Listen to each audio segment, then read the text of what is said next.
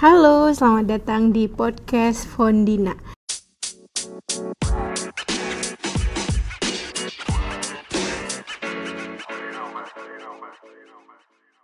Kali ini saya kedatangan uh, Zulfa Samia yang akrab saya sapa Mia. Halo Mia, apa kabar? Halo Rija, apa kabar Ja? Baik, Alhamdulillah. Mia, gimana kabarnya ini? Alhamdulillah, baik. Ja, segini gimana kabarnya Ja? Udah lama gak ketemu Ja? Alhamdulillah, baik. Udah dua tahun lebih ya ya? Kayaknya hampir tiga tahun deh Ja. Tiga tahun. Ya, dari Iya. tahun 2021. Iya, oke. Eh, eh, perkenalan singkat nih tentang Mia. Mia ini berasal dari Morolabu, Kabupaten Sok Selatan, Sumatera Barat. Eh, S1-nya jurusan Pendidikan Sejarah di Universitas Negeri Padang, angkatan 2011, kemudian lulus pada 2015. Awal apa pertengahan Mia kemarin lulusnya waktu S1? Yang apa nih? S1. Mm-mm. S1 lulus 2000 September 2015. Oke, terus S2-nya eh, sejarah berarti ya, ya. Ada nggak konsentrasinya kalau di UGM ini? Konsentrasi sejarah apa atau jurusan sejarah aja? Eh, enggak, kalau di Indonesia kalau untuk S2 itu ilmu sejarah. Oh, ilmu sejarah UGM angkatan 2000. Mm-mm. Berarti angkatan 2016, lulusnya 2018 kan ya? Iya, lulusnya 2018 bulan Agustus. Eh, Agustus. bulan Agustus. Eh, Oktober, Oktober nih. Oktober. Oktober 2018. Ah, Mia juga penerima beasiswa LPDP. PK berapa Mia? PK 78 angkatan mentari sada jiwa. Waduh, 78. Oke. PK 78. Eh, pada hari ini kita akan berbincang tentang gimana nih cara cara mendapatkan LOE atau cara berkirim email dengan calon supervisor karena Mia telah mendapatkan LOE di UCD di eh, apa Mia ini eh, universitasnya? Eh, University College Dublin di Ireland. Di Irlandia. Aduh jauh banget nih ya terbang dari Morlabu ke Jogja terus nanti ke Irlandia. Insya Allah kalau dapat funding ya Jaya. Insya Allah saya yakin Mia pasti mendapatkan funding. Doain juga ya teman-teman Mia akan mendapatkan funding karena salah satu step untuk S3 itu sudah dilewati. Karena menurut saya mendapatkan LOE ini susah-susah gampang. Benar nggak Mia? Ya benar benar benar banget benar, benar. Emang susah gampang sih. Jadi Awalnya itu sebenarnya eh, tidak diduga mau sekolah. Karena kan melihat situasi kondisi saat ini covid lagi covid juga kan. Mm, mm, mm. dan kita itu anak-anak sejarah biasanya itu researchnya itu bukan hanya di kampus aja. Karena kita misalnya mau nulis tentang eh, Indonesia dan itu nulis Indonesia itu bukan berarti kita dapat datanya itu hanya di Indonesia aja gitu. Kita pasti mencari data sampai ke apalagi riset saya tentang studi tentang sejarah Maladia Mm, mm, mm. Nah, itu harus pergi ke eh, WHO di Switzerland, harus ke Amerika juga, ke Ar Archives Amerika, habis itu harus ke ke Indonesia juga gitu. Mm-mm. Dan itu kan butuh eh, dan ke Belanda juga untuk yang eh, proses eh, proses historis kolonialnya gitu. Mm. Dan kita melihat sekarang situasi memang lagi-lagi galau gitu kan. Dan takutnya pas misalkan kuliah bulan September ini kita harus pergi riset tahun depan belum tentu situasi akan membaik gitu loh. Jadi gambling aja sih situasi buat sekolah tahun ini gitu. Oke, jadi berawal dari kegalauan, berawal dari pandemi ya, karena eh, nggak cuma Mia, aku juga eh, personally ngerasain oh pandemi ini tuh, apalagi jurusan pariwisata kan ya, mencari pekerjaan di bidang pariwisata saat pandemi ini benar-benar susah banget, nggak susah-susah gampang, susah banget malah. Eh, makanya sebagian teman-teman juga berencana, oh melanjutkan pendidikan adalah salah satu hal Eh, ngapain ditunda lagi mumpung nih pandemi eh, persiapin aja daripada nggak ada hal yang dilakuin ya udah persiapin buat eh, melanjutkan Ah. pendidikan. Ya betul, Ja. apalagi dari 2019 itu benar-benar pekerjaan selesai, proyek selesai 2020 langsung pandemi kan. Ah, terus mikir gitu ngapain di rumah? Udah masuk lamaran juga nggak ada gitu kan. Ya udah baca-baca jurnal artikel cari-cari. Apa sih topik yang menarik? Karena kan S1 S2 itu benar-benar murni tentang sejarah Chinese gitu kan.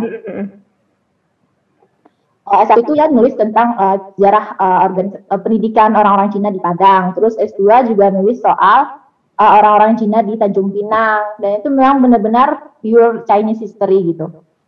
Uh, dan uh, yang perlu ah iya ini menarik ini pertanyaannya kenapa berubah? Uh, ada salah satu uh, apa senior yang dulu S1 S2-nya di UGM, terus S3-nya sekarang lagi di Australia, dia nulis buku soal Mas Raffando namanya bisa dicari di Google. Dia senang buku uh, tentang influenza, uh, Spanyol di kolonial. Dia nulis masa kolonial 1819. Dan itu yang menarik ya, ternyata orang-orang sejarah juga bisa membahas soal sejarah kesehatan gitu loh, atau medical history atau medicine history gitu kan. Wah menarik ini gitu loh, apalagi pengalaman kita melihat bahwa sejarah ini kebanyakan dulu tuh sekolah pun bahas soal apa politik ya kan, perjuangan, ini iya. nah, perjuangan orang-orang yang biografi orang yang hebat gitu kan, iya, yang iya. berpengaruh terhadap proses pergerakan bangsa.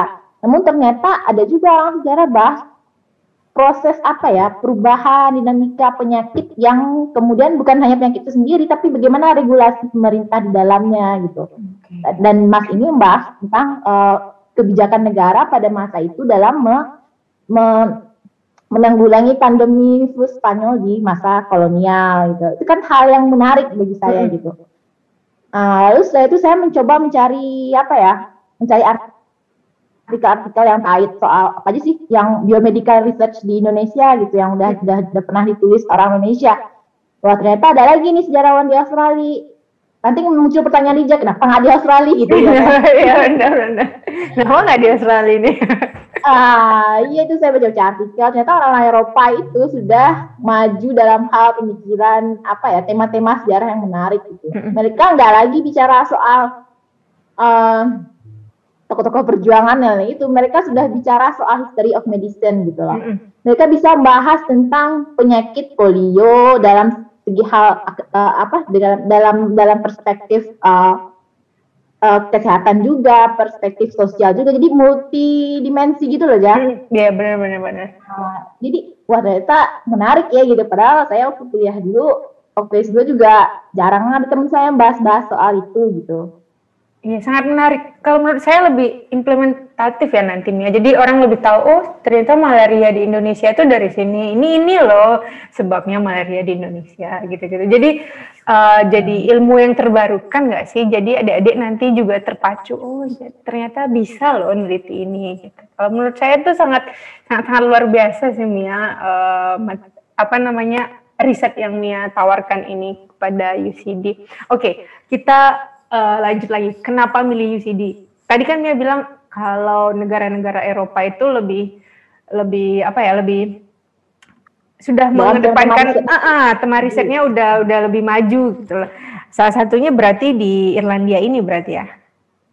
Uh, ya awalnya kan uh, orang-orang sejarah itu kebanyakan kuliah S2 S3 itu kebanyakan di Leiden.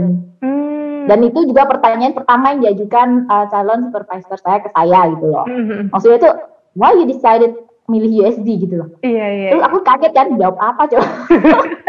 aku itu cuma searching di hot course aja loh, ja. Jadi aku saya tuh benar-benar mandiri dari awal maksudnya itu nggak ada ngomong ke pembimbing S2 iya. dulu nggak ada gitu mau di sekolah atau nggak ada cuman ya udah coba-coba aja gitu coba-coba cari kampus di list kan kampus yang bahas tentang ah sejarah kesehatan apa aja sih gitu. Kalau ada Oxford, Oxford itu kan iya, Aduh, kayaknya nggak ada gitu kan. ibaratnya perjuangannya berdarah-darah. Bisa sih bisa sebenarnya Mia. Tapi perjuangannya berdarah-darah banget. Berat kalau ini itu darahnya sember kalau Oxford tuh mungkin darahnya udah satu. Ah, iya. banyak gitu Story of Medicine memang benar-benar nomor wahid lah gitu kan. lah ternyata saya cari-cari lagi di hot course apa sih universitas yang ada itu. Saya nggak ngomong ke, tapi ini salah yang salah sih. Seharusnya kalau cari uh, promotor itu kita harus ngomong dulu ke pemimpin kita waktu yeah, dua dua atau satu. Tapi ya namanya saya juga insecure. Saya tidak percaya diri dengan diri saya sendiri. Ini aja nggak percaya diri apalagi saya nih saya kurang pede masalahnya saya merasa ya kayak kurang yakin lah gitu kan ya udah tapi coba aja dulu gitu kan coba cari lamar uh, cari ada UCD ada uh, apa fakultas baru namanya College History of Medicine. Dan itu memang fokus pada tentang uh, sejarah kesehatan, obat-obatan, pokoknya hal yang berbau kesehatan lah gitu. Iya. Uh, lalu saya lihat nih, ternyata caranya beda loh, jadi tidak semua kampus punya cara yang sama dalam hal penerimaan uh, mahasiswa research. Iya, iya. Uh, kalau di UCD ini kita harus tidak tidak langsung menghubungi supervisor, beda kan? Mm -mm, beda, beda, beda, berarti. Jadi kita harus uh, menghubungi uh, mengemail ke ketua jurusannya gitu loh. Hmm. Nah nanti ketua jurusan yang akan mengirimkan uh, proposal kita ke supervisor. Yang dia rasa cocok dengan riset kita berarti ya, berarti kita nggak bisa milih. Nah, ya, walaupun ya, ya saya itu ngirimnya bulan November. Mm-hmm. akhir November kirim ke uh, ketua jurusannya kan. Mm-hmm. Habis itu di pertengahan Desember itu baru dihubungi oleh calon supervisor. Dia bilang, "Oh, ini saya mendapatkan email dari ini bapak ini gitu ya kan wah ternyata kamu mau bahas ini ya mari kita zoom meeting tiga hari kemudian gitu. wow berarti satu bulan ya nunggu dari awal dikirim ketua jurusan baru dihubungi nah, oleh iya nggak nyampe satu bulan sih mungkin iya sampai akhir akhir bulan November terus oh. sampai pertengahan Desember ah dua minggu bulan ya nah, ah iya iya betul betul ah dan ternyata uh, bapaknya ini dia belum profesor. Jadi di luar negeri itu tidak harus yang jadi supervisor kita itu profesor tidak profesor. Yeah. Yang penting dia punya publikasi yang mumpuni gitu. Iya. Yeah, yeah. Hmm. Dan kenapa UCD dan karena UCD ini salah satu yang uh, punya uh, basic universitas research terkuat di uh, Irlandia dan juga uh, apa namanya yang punya PhD yang history of medicine di sana. Oke, berarti aku garis bawain dulu Mia. Mia milih UCD, nggak ngomong-ngomong nih ke dulu pembimbing sebelumnya, nggak tahu juga nih ada nggak senior, nggak survei dulu ada nggak ya orang Indonesia di sana? Nggak ada. Bener-bener nekat berarti ya. Oh iya UCD mantap deh. Dan juga nggak tahu ternyata Dublin itu kota termahal di Eropa. oh ya? Oke. Okay. Jadi iya prosesnya ini cepet loh ya. Jadi hmm. habis pertengahan Desember itu kita bahas uh, per, uh, langsung zoom meeting kan pertengahan. Hmm. Nah, jadi yang perlu kita persiapkan itu sebelum uh, sewaktu kita mengirim ke ketua jurusan itu ya ya adalah uh, proposal penelitian. Jadi proposal penelitian ini tidak perlu kayak kita dulu loh yang halamannya 20 Banyak 12 gitu, ya. ya. Jadi paling minimal itu adalah seribu kata. Pas seribu kata tiga halaman yeah. sudah paling banyak. Dua halaman. Uh, terus kita kirim uh, CV akademik. CV akademik ini beda sama CV biasa. Iya iya. CV akademik ini bisa tiga atau empat halaman karena hmm. dia kita jelasin apa aja sih yang telah kita lakukan hmm. selama kita hidup. Benar benar. Terus selama kita S1 S2 gitu kita ngapain aja gitu. Iya. Berarti uh, aku tanya lagi nih ya ada nggak perubahan proposal yang awal diajukan uh, materi A lalu ternyata diimprovisasi tuh sama calon promotornya oh mending kamu aku arahin ke sini aja gitu-gitu ada nggak perubahan wah ya benar benar benar. Jauh jauh jauh beda. Awalnya itu aku ngirim entah apa yang bikin ya. Soal tentang uh, awalnya itu aku bukan pengen nulis soal penyakit. Jadi bukan. Jadi awalnya aku tuh pengen nulis soal sejarah uh, sosial welfare di Indonesia gitu loh. Kan belum ada yang bahas soal dari apa JKN Jaminan Kesehatan Nasional, itu gitu BPJS ya kan. Jadi apa sih peran negara gitu dalam memberikan kesejahteraan bukan dalam hal ekonomi dan lain-lain tapi kesejahteraan kesehatan gitu loh. Karena yeah. di, iya. di di Eropa itu itu lagi gencar-gencarnya ditulis gitu loh. Apalagi masa pandemi ini posisi uh, apa posisi negara ini kan penting nih dalam memberikan keselamatan kesehatan kan nah, mm -hmm. itu yang mau aku tulis awalnya lah ternyata bapaknya ini uh, fokus dia nangkep maksud aku itu apa cuman dia bilang itu terlalu luas mm -hmm. ya kan dan di zoom pertama itu uh, dia dia nanya-nanya gitu loh kamu tahu ini tahu ini tahu ini gitu ya kan terus yang aku tahu aku jawab aja yang nggak tahu ya dia nggak yeah. tahu gitu jujur aja gitu loh mm -hmm daripada kita so tahu nanti kan. Oke. Okay. Nah, terus di, ditanya lagi sama yang ke, direkturnya. Jadi kita ada berdua zoomnya sama hmm. calon supervisor satu sama direktur uh, pasca yang uh, Center uh, College Officer of Medicine itu satu sama ibunya. Ditanya terakhir itu kamu punya funding nggak itu buat kuliah di sini terus aku jawab nggak ada karena hmm. di Indonesia sekarang lagi berubah-ubah aturan gitu iya. kan iya. apalagi PDP kan tahu sih kan ya harus iya. Kalau sekolah ke luar negeri itu harus benar-benar yang uh, ambil universitas terbaik dunia gitu iya. kan nah, sedangkan kan yang universitas lain nggak masuk gitu berarti UCD ini gitu. nggak nggak masuk dalam list PDP nggak nggak masuk kalau Inggris itu dia cuma masuk Oxford kalau nggak salah Oh, I see. Tapi misalnya nih ya, kalau nanti kita masih masuk daerah 3T nih, uh, Selatan, uh, eh, UCD masih bisa dipilih nggak sih untuk uh, award yang afirmasi? Ah, lihat dulu aja.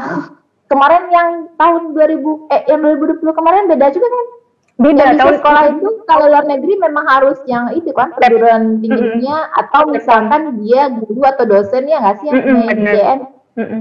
Nah, jadi emang sekarang ini semua galau gitu. Maksudnya kita udah dapat LOA tapi kita galau, bu, belajar pakai apa gitu. Benar. Berarti ini bisa di hold nih LOA-nya berapa lama? Ah, jadi kan uh, waktu pertemuan apa ya uh, calon mahasiswa baru yang udah dapat supervisor itu ada lagi pertemuannya sama ketua jurusan dan pemimpin, apa pimpinan di kampus. Berapa orang nah, itu ya? Hmm, lalu aku tanya, uh, Pak misalkan nih saya belum mendapatkan funding sampai akhir tahun, karena kan hmm. seharusnya kalau dapat beasiswa itu bulan Mei besok pengumuman kalau lolos, hmm. itu kita harus langsung berangkat bulan September ini tahun ini. Saat tanya, Pak kalau misalkan saya belum dapat beasiswa sampai akhir tahun, apakah uh, bagaimana dengan proses administrasinya gitu kan. Maka saya harus daftar kembali tahun depan atau bisa di hold setahun atau defer lah ya bahasanya ya. Terus bapaknya bilang tidak masalah itu urusan administratif, yang penting kamu kasih tahu ke supervisor gitu. Iya. iya, iya. Itu aja oh. sih. Oke. Okay. Ya, kita lanjut lagi nih ya ke pertanyaan berikutnya. Ada yang tanya nih, apa saja sih yang perlu dipersiapkan sebelum menghubungi calon promotor? Tadi udah dibilang proposal, selain proposal yang ah. kurang lebih dua halaman nih apalagi ya? Uh, CV akademik. CV akademik. Yang paling uh. penting tuh niat dan kemauan ya. Iya betul. Gak usah malu-malu. iya. Iya mungkin ya, sebagai gini, uh, terus terus gini ja kalau misalkan kita udah udah dapat supervisor itu hmm. kan seharusnya idealnya itu kita harus ngirim berkas kan hmm, hmm, hmm, hmm. daftar kampus Iya, itu iya. kita harus nyediain duit pakai uang pribadi. Iya, bener-bener biasanya lumayan itu ya untuk pendaftaran kampus. Kurang lebih sama kayak Indonesia. Hmm? Uh, tergolong murah loh, Ja. Kita waktu di UGM lo daftar S2 itu di ratus ribu kan? Iya, kalau S3-nya UGM tujuh ratus lima puluh. Eh, kalau S3-nya berapa? Tujuh ratus lima puluh. Ah, lumayan tuh. Kalau di CD itu, itu delapan ratus ribuan, itu sekitar lima puluh euro kita bayar. Iya, itu, itu kan kategori kan murah. murah. Bener-bener. Mana yang mahal itu adalah uang kuliah. iya. Kalau sendiri makanya, kalau menurut saya sih kalau kuliah S2 S3 mending cari beasiswa karena banyak banget manfaatnya. Kita fokus nah, gitu loh belajar. Oke. Uh, ngomong-ngomong soal niat dan kemauan, sebenarnya itu poin utama sih Mia buat uh, menghubungi calon promotor uh, menurut saya nggak semua harus sempurna ya, nggak harus bikin proposal yang sempurna banget gitu. Yang penting, ya, ya. Uh, yang penting ada ada aturannya lah bikin proposal.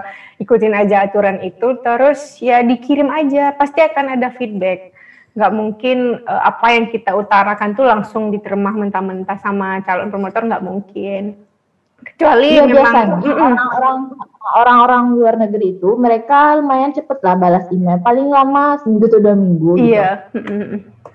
nah, ngomong dan kalaupun kita misalnya kita nggak bisa bagian jadi bagian dari uh, tim researchnya dia biasanya dia kasih tahu coba kamu hubungi bapak ini lah ya kalau bapak ini juga nggak sesuai dengan kita ya udah nggak usah kita hubungi tapi tetap ucapin terima kasih gitu terima kasih yeah. bu atas respon Oke, kemarin Mia kirim berapa uh, proposal ke calon-calon promotor nih?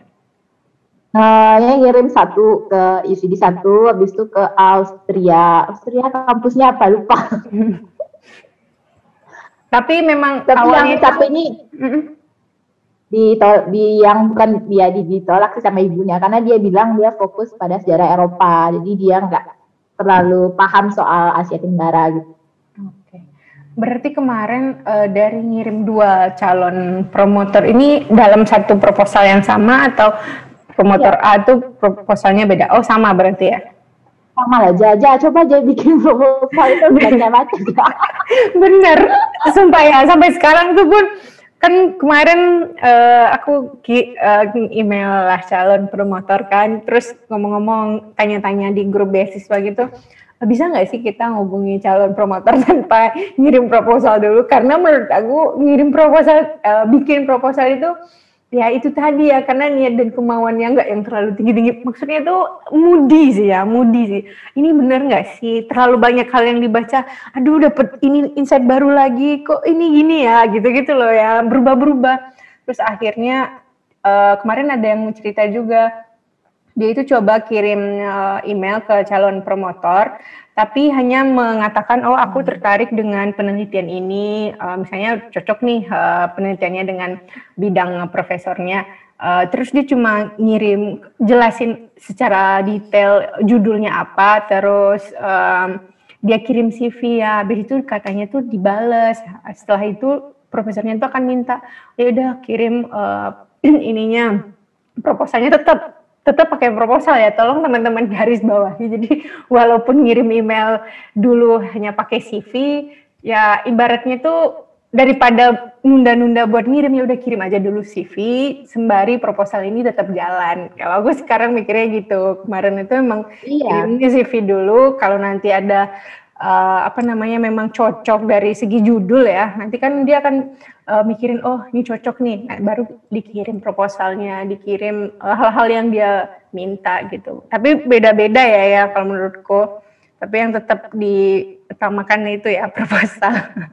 Oh ya, karena gini ja, kalau S2 itu dia ada mas master by, by course, research. ada master by research. Ah, kalau PhD itu apa pun jurusan kamu gitu, tapi mm-hmm. tetap harus kamu bakalan research gitu. Karena mm-hmm. dia kuliah palingnya pas tahun pertama itu kita ambil kelas paling satu dua dan itu pun kelas nulis loh ya, bukan mm-hmm. kelas kelas kita teori atau metodologi itu enggak gitu. Oke. Berarti karena emang harus mandiri dari awal gitu. Iya, benar benar karena uh, kata teman-teman juga uh, selain kampus dan beasiswa penentu itu promotor juga penentu keberlangsungan kita nanti waktu iya uh, betul iya mau kamu sukses atau enggak itu tergantung di tangan supervisor dan Tuhan gitu. iya Oke, okay. uh, berarti idealnya tuh nunggu balasan email dari calon promotor itu dua minggu ya ya. Misalnya kalau nggak dibales, ya udah cari calon promotor yang lain atau gimana menurut Mia ini? Iya, biasanya sih kalau orang Eropa ya, misalnya kalau beli-beli itu uh, dia balas itu, mau dia nggak mau kamu jadi mahasiswanya juga dia balas gitu, dia mm -hmm. pasti ngasih tahu. Mm -hmm. Palingan ya maaf ini saya tidak sesuai dengan ini uh, tema penelitian saya sama ini katanya. Atau sama ini saya nulis hanya tentang sejarah Eropa, jadi tidak mengenal Asia Tenggara insya Allah biasanya ada respon gitu. Biasanya teman-teman yang udah kuliah di luar negeri itu lebih tahu itu. Iya benar-benar. Dan jangan malu bertanya juga nih. Menurut uh, aku salah satu poin uh, buat kita mau lanjutkan pendidikan ya, apalagi ke luar negeri, jangan malu bertanya. Misalnya kalau aku juga nggak malu bertanya, ngubungin profesor-profesor yang ada di jurusanku sebelumnya itu yang tanya, Prof, aku mau lanjut ke sini. Ada nggak teman di sini? Aku tanya dulu ada temennya nanti pakai poin tuh temennya tuh risetnya cocok nggak dengan riset yang mau aku angkat gitu-gitu. Karena uh, ya itu tadi jangan malu Mia. Ini Mia terlalu pemalu ini. Enggak masalah gini ya. Aku tuh takut uh, kalau apa ngomongin tapi belum tentu lulus gitu. Enggak apa yang penting berusaha kok. Masih banyak kampus-kampus lain Iya itu. Jadi aku baru ngasih tahu uh, pembimbing S2 buat minta surat rekomendasi mm -hmm. itu ya pas itu pas uh, supervisor udah oke okay, dapet, habis itu uh, coba tes Duolingo. Jadi sebenarnya ini semua kayaknya ke keberuntungan dan kebetulan gitu ya. Kenapa? Yeah, yeah. Karena biasanya itu minta ayas kan. Benar, benar.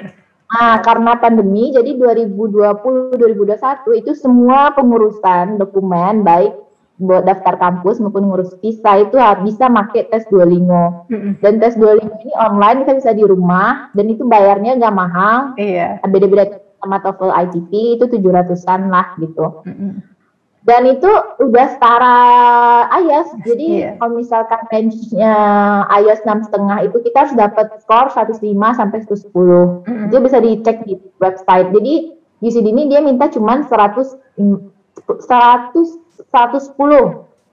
Iya, iya. Oke. Okay. 110 overall, uh, setiap uh, sectionnya itu dia cuma minta 100.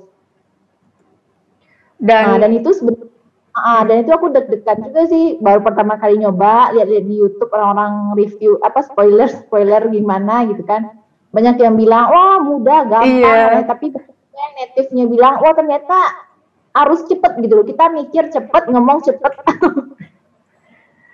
jadi iya. dia per detik gitu loh ya jadi hmm. langsung muncul soal kita harus coba kita ngomong gitu loh jadi muncul soal kita ngomong gitu iya benar-benar dan uh, umumnya emang di kampus uh, di Eropa ya kemarin aku juga mau apply ke Sare University itu dia juga terima Duolingo ya. Nggak tahu nih Australia kemarin aku cek masih IELTS ya. Umumnya tuh masih di Eropa kayaknya ya Duolingo ini. Ya Eropa Amerika itu kebanyakan uh, udah minta Duolingo. Dan memang tesnya Oh jujur kemarin tuh coba-coba kan ya kan bisa gitu kita try out nih mau coba gimana sih tesnya. Ya, ya. Memang digolongkan dengan kategori yang beda banget lah sama IELTS. Uh, tapi ya beda. Mm -mm, tapi kalau IELTS kan shock langsung shock. Oh langsung pusing gitu. Duolingo ya tergantung balik ke orang-orangnya. Menurut menurutku lumayan nggak terlalu seribet IELTS sih ininya dan cuma 45 menit kan ya tesnya itu nggak sampai satu jam kan ya? Uh, kalau tes biasa nyampe deh kayaknya. Itu itu uji coba itu. Uji coba hmm. memang sebentar. Oh, ber berarti kalau IELTS kan tiga jam. Kalau Duolingo nggak sampai berarti ya tiga jam. Nggak, nggak nyampe tiga jam. Dan itu dia walaupun di rumah kita tesnya itu benar-benar ketat. Jadi hmm. kita kameranya interaktif gitu loh. Hmm. Kamera kita, kita diliatin. Kalau misalnya kita ngelengah kiri kanan atau ngapain yang mencurigakan langsung di blok. Jadi nggak bisa lagi ikut harus bayar lagi gitu. Oh kita nggak tahu nih pengawasnya itu kayak apa gitu. Berarti langsung sistemnya gitu ya ya nggak kayak kemarin yeah. aku uh, tes TOEFL kalau pas online tuh ada dua kamera nih, satu kamera laptop, satu kamera handphone yang nanti ditaruh di kiri. Kan kita tahu oh pengawasnya ini nih ternyata mukanya kalau Duolingo enggak ya? Enggak, jadi kamera kita tuh udah kayak zoom itu aja, hmm. hidup dia otomatis. Nyala gitu ya. Hmm.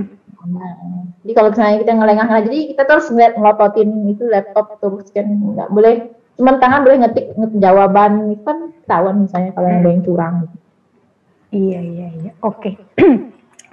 Berarti uh, ini nunggu beasiswa apa nih ya?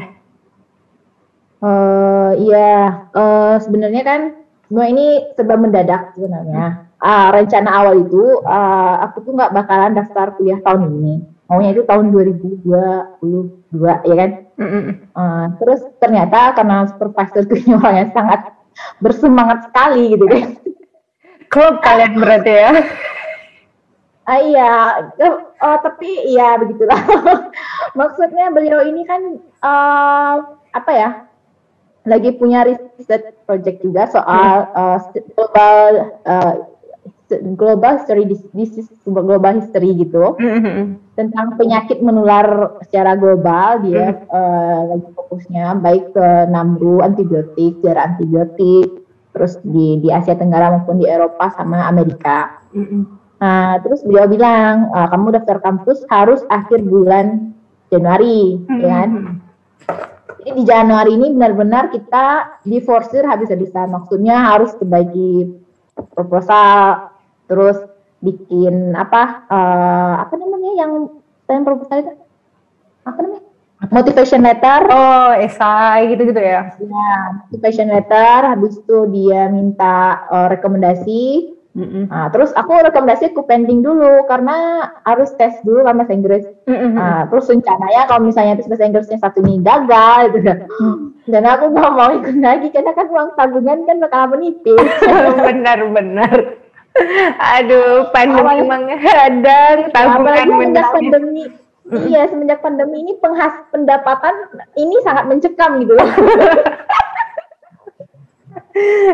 Freelance kan gitu. Iya, benar-benar. Hmm, jadi ya udahlah kalau misalnya ini nggak nggak nggak nggak nggak lulus pertama ya udahlah aku nggak mau ngeluarin duit lagi gitu kan.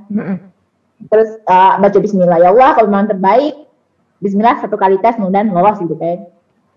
Alhamdulillah tiga hari jadi dua minggu ini belum cepat jadi tiga hari kita nunggu aja tes basis sekarang terus tinggal uh, tiga hari kemudian langsung keluar hmm. Hasilnya. Ah, terus apa respon uh, calon pembimbing eh pembi dosen pembimbing sebelumnya ya?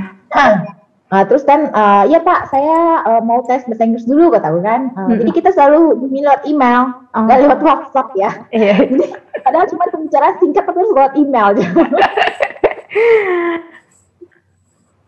Iya Pak, baik Pak, saya tes dulu, tes bahasa Inggris dulu. Ah iya, mudah-mudahan kamu dapat nilai yang bagus, saya percaya itu. Dia, dia ini selalu mengasih semangat gitu loh. Iya. Maksudnya saya udah bilang dari awal Pak, saya bahasa Inggris saya tidak terlalu bagus, tidak terlalu expert, uh, dan grammar saya juga sangat uh, jelek sekali gitu. Karena tidak masalah, nanti kita bisa belajar. Gitu. Dan itu membuat, iya kasih apa kepercayaan diri lah gitu kan. Ah, dan akhirnya ikut tes tiga hari keluar dan alhamdulillah hasilnya di luar ekspektasi. Ya, yang dalam doaku mudah-mudahan pas-pasan lah gitu. yang setengah ayat jadi satu sepuluh kan. Satu sepuluh udah alhamdulillah dikasih lebih dari itu gitu. Alhamdulillah. Ah, dan ngasih tahu lagi Pak saya sudah dapat ini, saya sedang minta surat rekomendasi. Dan itu aku benar-benar nodong ini ceritanya ke pembimbing yang satu S2 itu. Dan itu jangan ditiru karena tidak semua pembimbing bakalan senang gitu. Maksudnya tuh uh, yang pembimbing kita dulu. Gimana ceritanya nih? Ah, jadi nodongnya tuh dia seminggu harus nyelesain surat rekomendasi gitu. Lalu aku mohon mohon bapak, uh, ya karena dulu ada project dulu kan sama bapaknya hmm. setahun dari 2018 2019, jadi jadi aku yakin aja bapaknya bakalan ngasih gitu iya, kan. Iya iya iya. Ya harus bentuk hubungan yang baik lah, gitu, hubungan sosial yang baik dengan uh, mantan-mantan pembimbing kita. Gitu. Iya, pasti akan butuh gimana gimana pun dan menurutku ya, ya. Uh, beliau akan support. Ya udah dalam seminggu itu kita ngurus semua surat daftar kampus di akhir bulan Januari.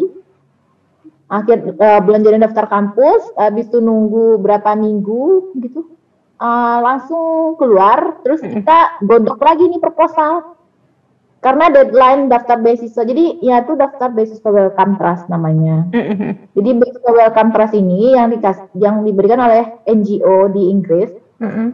itu khusus untuk sosio humaniora yang fokus kepada uh, bidang kesehatan okay. tapi dia sosio humaniora gitu mm-hmm.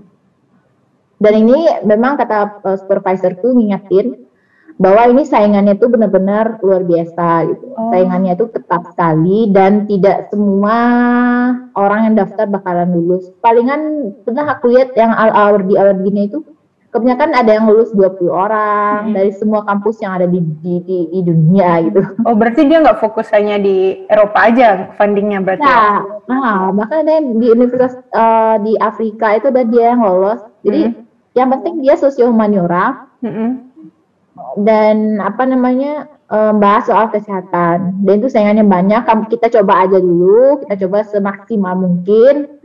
Kita jor-joran dari bulan Februari sampai awal Maret. Dia kan 2 Maret deadline-nya. Jadi Februari itu memang benar-benar itu tidur ya, udah kayak nulis lah gitu. udah kayak tesis ya, mini tesis ya. Tesis. Karena kita welcome ini beda sama beasiswa lainnya. Mm -hmm. Karena welcome memang harus kita menyediakan ke apa menunjukkan keyakinan kita baik dalam hal uh, mau ngapain gitu. Maksudnya itu apakah data yang akan kita pakai ini ada atau enggak? Hmm, Berarti kan uh, kita harus menghubungi semua institusi atau organisasi yang bakalan kita datangi. Berarti nah, udah harus ada omongan ya, eh nanti kalau saya ini uh, saya pakai data dari situ gitu. Nah ya jadi ya kerjaanku selama sebulan itu ya adalah menghubungi WHO, menghubungi Rockefeller Archive di mm -hmm. Amerika, habis itu menghubungi National Archive di di di Amerika juga, mm -hmm. habis itu menghubungi uh, Namru di Singapura, Namru di ini Namru itu mungkin yang lain nanti bakal searching juga. Mm -hmm. uh, pokoknya mau hubungi lah apakah mereka punya ini data ini data ini data ini gitu kan Nah, ya terus kalau misalkan ya emang harus jelas kita itu udah jelas, udah ready buat ke lapangan kalau misalkan lolos gitu. Iya. Tapi ini ada bagusnya juga berarti ya, ya. Sepa, sedikit pekerjaan yang nanti di disertasi itu sudah dicicil ya istilahnya. Nah, iya benar. Benar-benar banget. Kita juga harus nyusun anggaran ya. Jadi kita udah mikir proposal, mikir anggaran yang belum tentu kita dapat gitu. Berarti dia ngeluarin budget sesuai anggaran yang kita anggarkan atau kalau ya. PDP kan udah ada nih ya oh, sekian sekian sekian atau gimana ini? Nah, ya benar. Jadi memang benar-benar uh, welcome ini dia mandiri. Jadi kita harus bikin anggaran baik dari uang uh, harian kita. Uang harian dia udah netepin yang di luar London sekian, di hmm. dalam London sekian. Jadi kita cuma menetapkan uh, uang kuliah kita, habis itu uang untuk uh, perjalanan penelitian. Jadi atau tambahan lainnya asuransi, visa, hmm. tiket ini. Tapi tiket kepulangan nggak ada kayaknya. Hmm. Cuma tiket pergi aja gitu. Oke oke. Keren nih. Aku baru tahu nih ada beasiswa welcome trust info, info buat kita nih jadi buat teman-teman sosial humaniora yang bakalan menulis tentang kesehatan itu bisa buka situs welcome trust. Aku lagi kepoin beliau yang tahu. Karena beliau ini alumni situ gitu. Alumni welcome trust. Oh, keren keren keren. Oke Mia, hmm. berarti seleksinya cuma berkas ya nggak ada interview atau uh, eh, FGD kayak LPDP? Oh nggak ada, karena dia benar-benar interview. Karena kan kita bikin proposal, habis itu kita uh, masuk ke situsnya kan. Jadi mm-hmm. syarat welcome itu kita harus benar diterima di kampus dulu. Oh. Kita harus oh. benar diterima dulu, harus jadi mahasiswa dulu. Iya. Hmm. Oke, luar biasa perbincangan kita hari ini. Terima kasih atas waktunya Mia. Aduh, banyak banget ilmunya ini hari ini. Uh, dan saya yakin Mia pasti dapat beasiswa welcome terus ini saya yakin jangan terlalu uh, janganlah terlalu pesimis terhadap diri sendiri Mia. Well, uh, calon promotornya aja tuh supportnya luar biasa menurut saya. Iya, iya itu kalau tips dari promotor itu uh, yang dari awal udah sering balas cepet email kita, insya hmm. Allah kalau jadi mahasiswa sana bakalan nggak dikacangin gitu. benar benar benar.